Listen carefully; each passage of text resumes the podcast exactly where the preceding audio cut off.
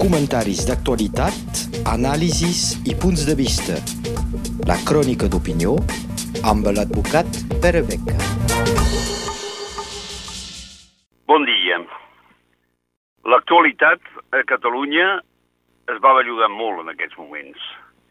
I, com sempre, de des que ha començat aquesta història, hi han dos moviments que es dibuixen. Un que és el moviment de repressió judicial, que va creixent, fins que arribi segurament a un punt que no es podrà superar, i un altre que és el moviment pròpiament polític, que no és clarament expressat, però que sí que cada vegada més fa més passos de cara a la voluntat d'autodeterminació del poble de Catalunya. L'augment de la pressió judicial.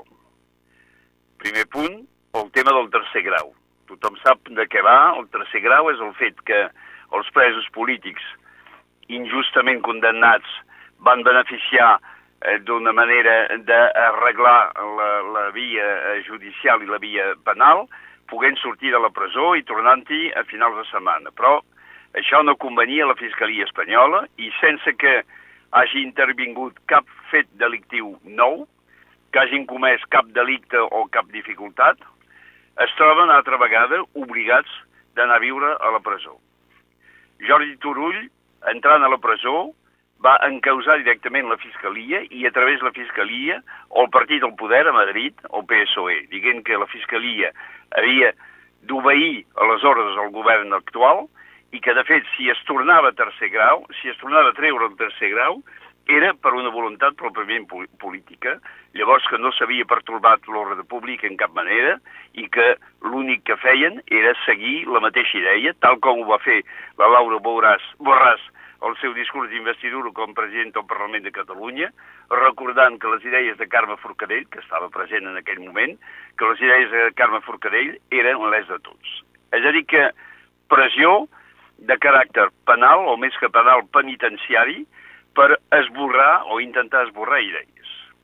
I l'altre punt judicial més característic d'aquests últims dies és l'aixecament de l'immunitat parlamentària de Puigdemont i dels diputats europeus és una cosa que pròpiament sembla increïble. Perquè treure l'immunitat d'un diputat europeu que ha sigut votat per uns fets que eren perfectament coneguts abans que es votés i que els electors, concretament els electors catalans, però considerats com ciutadans europeus, hagin pres la decisió de votar-los i d'acceptar les seves idees i ara treure l'immunitat per fets anteriors, llavors que s'està inclús el propi govern de Madrid plantejant la supressió del delicte de sedició, és pròpiament increïble. Aquests diputats són diputats europeus. Representen no uns ciutadans d'un estat, sinó la totalia dels ciutadans d'Europa. I aixecant aquesta immunitat parlamentària, el Parlament Europeu obre una via increïble perquè si arribem que els partits, el poder en alguns països puguin utilitzar aquesta eina per fer callar la seva oposició, ens trobarem en una Europa totalment eh, incapaça de gestionar les crisis polítiques nacionals. El refús del debat democràtic, que de fet la majoria dels catalans espera i que Europa podem esperar que tothom també demana, el refús està justificat per una mena de por de desagregació dels estats.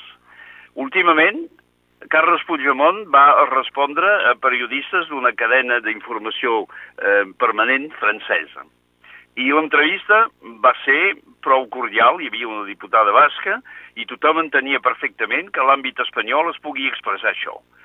Però quan es va tractar del fet que Puigdemont va dir que havia vingut a Catalunya parlant de la Catalunya del Nord, llavors el periodista, que era un periodista francès, va dir, però això és increïble, no és possible. I tornant a agafar les paraules del senyor Valls, dir d'alguna manera, però la Catalunya Nord no existeix. I des d'aquell moment, l'entrevista es va capgirar completament, aquest periodista considerant que això no es podia, que els bascos, els bretons i els catalans expressessin la seva pròpia voluntat. Però això és negar Europa. perquè precisament l'idea dels que han volgut constituir Europa era de fer d'Europa una entitat política general amb diputats que representessin tothom i que en aquest cas no siguin els representants de tal o tal part d'Europa, sinó de tot l'Europa, de tot el continent europeu, i que, per tant, tant era que fessin part d'un estat com d'un altre estat. I això és el raonament polític que s'hauria de portar endavant, però que de moment els estats no volen portar endavant i per això bloqueja Europa. I mentrestant, sortit de l'aspecte jurídic, hi ha un batibull polític, com sempre, després de cada eleccions. A les, eleccions, a les eleccions, a les últimes eleccions, s'ha expressat indiscutiblement una majoria en favor de l'independentisme i encara més una majoria a favor de que es reconsiderés la situació dels presos polítics i s'organitzés un referèndum pactat. Aquest acord de majoria sempre se'ns havia dit que, tant com no passàvem el 50%, no es podia considerar. Ara han passat el 50% i no ha canviat en cap manera la posició del govern central de Madrid ni dels altres governs centrals dels estats europeus. I el fet que ara la Laura Borràs es trobi presidenta del Parlament de Catalunya amb tota l'anterioritat que se sap, amb tota la voluntat que ella ha expressat al seu discurs de tirar endavant el procés, significa que el que falta ara és una clara direcció política, una mena de full de ruta tal com es va constituir en el seu moment, per intentar arribar una bona vegada és que s'expressi la voluntat popular a través, a través d'una qüestió pactada i posada correctament. Perquè si no es fa això, irà incrementant el que passa al carrer. Les protestes, i evidentment les protestes cada dia cada vegada més contundents, i doncs la repressió, i doncs un trencament social a Catalunya mateix, entre els protestants i els Mossos, entre els protestants i les forces de l'ordre, entre els protestants i les institucions, i això és molt perillós, i això pot tenir conseqüències greus. Fins i tot Actualment, aquests moviments de protestes estan una mica bloquejats per circumstàncies exteriors. Les circumstàncies exteriors són, com ara, el Covid, amb la prohibició de grans manifestacions. L'11 de setembre no s'ha organitzat de fa dos anys i era una manifestació unitària molt important, però un dia o altre vindrà que s'aixecaran gent que diran tant ens és si hem de fer-ho amb mascareta o no, però farem una gran manifestació. I també totes les mesures que prenen els governs, com ara les mesures teòricament antiterrorisme o antiimmigració, que seria el tancament dels passos fronterers, que no siguin passos fronterers controlats. El que va passar últimament al pont de Costoges, el fet que batlles de banda i banda del Pirineu s'hagin reunit per expressar la seva voluntat de tenir una unitat territorial, és un acte profundament europeu. No és un acte nacionalista català, és un acte de voluntat europeu i obrir els passos, mantenir els lligams que siguin econòmics, que siguin personals, que siguin de llibertat de desplaçament, és una cosa fonamental per al país, no per fer política, sinó per al país com entitat pròpia que necessita viure en tots els espais d'aquest país.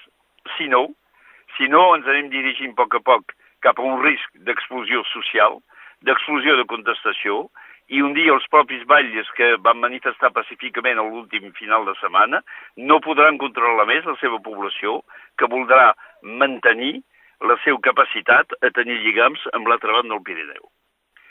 Ha de venir el moment de la saviesa, ha de, moment, ha de venir el moment d'una certa serenitat política, si no ens trobarem amb grans dificultats per gestionar més endavant aquesta crisi. És per això que és urgent que la política en el sentit noble de la idea de política, torna a agafar mm, més pes, més a sobre de l'aplicació estricta i a vegades una mica ulls tancats de la justícia tal com està feta en aquests moments. Moltes gràcies. Comentaris d'actualitat, anàlisis i punts de vista. La crònica d'opinió amb l'advocat Pere Beca.